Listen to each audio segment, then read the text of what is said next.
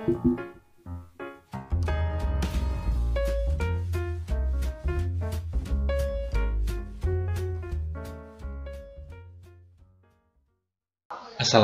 warahmatullahi wabarakatuh. Banyak orang yang bertanya kenapa Islam memiliki banyak sekali mazhab. Apakah fakta bahwa Islam memiliki banyak mazhab ini merupakan sesuatu yang tidak terelakkan?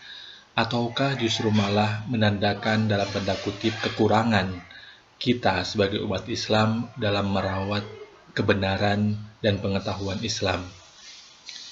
Jika begitu, lalu kemudian bagaimana sebetulnya kita umat Islam harus bersikap? Mana di antara mazhab-mazhab ini, baik yang masyhur maupun yang tidak masyhur, yang benar? Bagi saya, sebetulnya Islam adalah agama yang dikondisikan atau disituasikan untuk mengakomodasi perbedaan pendapat, yang mana kemudian perbedaan pendapat ini seiring berjalannya waktu menjadi aliran-aliran pemikiran yang mempengaruhi banyak sekali ulama dan banyak sekali umat yang menyebabkan kemudian terbentuknya mazhab-mazhab atau school of thought atau aliran pemikiran. Dalam konteks ini mirip juga dengan banyak pengetahuan atau ilmu lain yang ketika menafsirkan atau mencoba memahami ilmu tersebut kemudian terjadi banyak aliran-aliran pemikiran. Nah, kenapa saya bilang Islam sejak awal adalah agama yang mengakomodasi perbedaan pendapat, yang mengakomodasi perbedaan mazhab dan aliran pemikiran? Karena dalam Islam ada skema yang disebut dengan ijtihad. Apa itu ijtihad? Ijtihad itu adalah bad'ul wus'i fi naili hukmin syar'iyyin bitorikil istinbat minal kitab wa sunnah. Jadi ijtihad itu adalah proses sungguh-sungguh untuk merumuskan atau memutuskan hukum syar'iyah terhadap suatu perkara tertentu yang biasanya adalah perkara yang tidak secara tekstual atau eksplisit terjadi di zaman Nabi dan pemutusan atau perumusan jawaban atau hukum ini harus berlandaskan dengan Al-Quran dan hadis. Nah, ijtihad ini tentu saja tidak akan mampu untuk sampai pada jawaban atau kesimpulan yang sama. Ambil contoh misalkan Imam Syafi'i ini belajar pada tradisi keilmuan Imam Abu Hanifah dan juga belajar pada Imam Maliki, tetapi kemudian kesimpulan atau fatwa yang beliau rumuskan terkait fenomena-fenomena kebutuhan umat itu berbeda dalam beberapa hal dengan guru-gurunya. Sehingga kemudian kenapa Islam saya mengatakannya sebagai agama yang mengakomodasi perbedaan pendapat karena ada ijtihad dan ijtihad tidak mungkin bisa sampai pada kesimpulan yang selalu sama walaupun dua orang mujtahid yang melakukan ijtihad itu berasal dari satu sekolah pemikiran yang sama atau berasal dari guru yang sama atau membaca hadis yang sama. Nah, karena dia selalu memiliki potensi untuk berakhir pada kesimpulan yang berbeda, lalu kemudian bagaimana Islam menyikapinya. Nah, dalam hal ini Rasul bahkan mengapresiasi orang yang melakukan ijtihad dan mengapresiasi apa pun hasil dari ijtihadnya itu. Rasul bersabda, "Idza jitahadal hakim fahakama fa asoba falahu ajroni wa idza hakama fa akhtoa falahu ajrun wahidun." Jadi ketika seorang hakim atau seorang mujtahid itu kemudian melakukan ijtihad dan kemudian ternyata kesimpulan yang dia dapatkan benar, maka dia mendapatkan dua pahala. Tetapi kalau dia berijtihad dan kemudian jawaban yang dia hasilkan keliru, maka dia tetap dapat pahala, tapi pahalanya satu. Ada pahala ijtihadnya dan ada pahala mana jawaban yang benar atau enggak. Nah, tetapi menariknya, tidak ada satupun dari kita yang mampu untuk memutuskan mana jawaban ijtihad yang benar secara hakiki menurut Allah Subhanahu wa taala.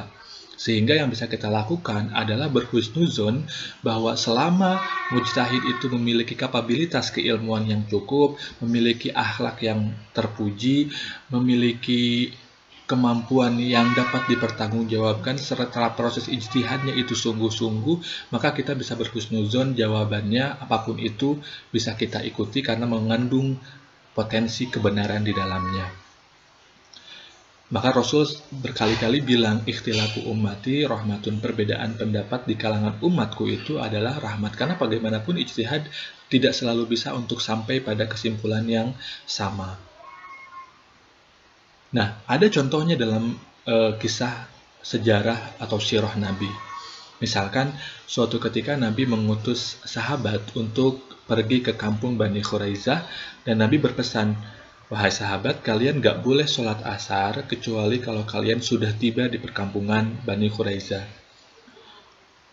Kelompok ini berangkat ke perkampungan Bani Khuraizah, kemudian ternyata waktu sholat asar itu sudah tiba dan bahkan mau habis ketika mereka belum tiba di perkampungan Bani Khuraizah.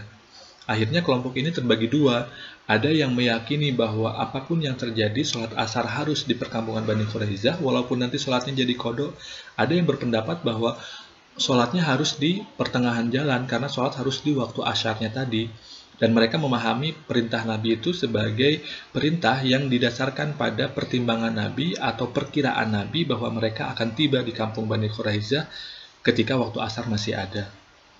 Nah, ketika dua kelompok sahabat yang berbeda pendapat ini ketemu dengan Nabi, mereka kemudian mengadu, Wahai Nabi, mana yang paling benar di antara kami? Dan Nabi kemudian mengapresiasi keduanya.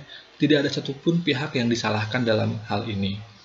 Atau contoh lain yang juga terkenal adalah ketika Abu Bakar dan Umar bin Khattab berbeda pendapat soal kapan sebaiknya sholat tahajud. Abu Bakar bilang, saya sholat tahajud sebelum tidur karena saya khawatir kebablasan tahu-tahu sudah subuh. Umar bin Khattab bilang, oh tidak, saya sholat tahajud setelah tidur. Saya tidur dulu, kemudian bangun untuk sholat tahajud. Kemudian keduanya bertanya, wahai Nabi, mana di antara kami yang benar? Lalu gimana tanggapan Nabi? Nabi membenarkan keduanya. Nabi bilang pada Abu Bakar, wahai Abu Bakar, engkau orang yang hati-hati. Nabi bilang kepada Umar, wahai Umar, engkau orang yang kuat karena mampu bangun ketika setelah tidur. Dalam hal ini kemudian sangat jelas bagaimana Islam mengakomodasi perbedaan pendapat dan bagaimana Nabi tidak bersikap uh, judgmental. Sehingga kemudian wajar jika Islam memiliki banyak sekali mazhab karena memang tradisi ijtihad itu diakomodasi dan difasilitasi dan dilegalisasi oleh hukum Islam itu sendiri. Atau contoh lain misalkan ketika Muaz bin Jabal diutus ke Yaman untuk berdakwah, Nabi sebelumnya bertanya dulu ngetes Muaz bin Jabal, "Wahai Muaz, kalau kamu nanti di Yaman menemukan suatu perkara, bagaimana kamu akan menghukum, menghukuminya?" Kata Mu'az, saya akan menghukuminya sesuai dengan Al-Quran. Kalau di Al-Quran tidak ada, saya akan menghukuminya sesuai dengan sunnah dan hadis. Kalau misalkan nggak ada juga, maka dia akan berijtihad. Dan tadi itu ketika ijtihad, fahakama fa'asoba falahu ajroni, wa idha hakama fa'akhtoha falahu ajrun wahidun. Nah, lalu kemudian pertanyaannya adalah bagaimana sikap kita?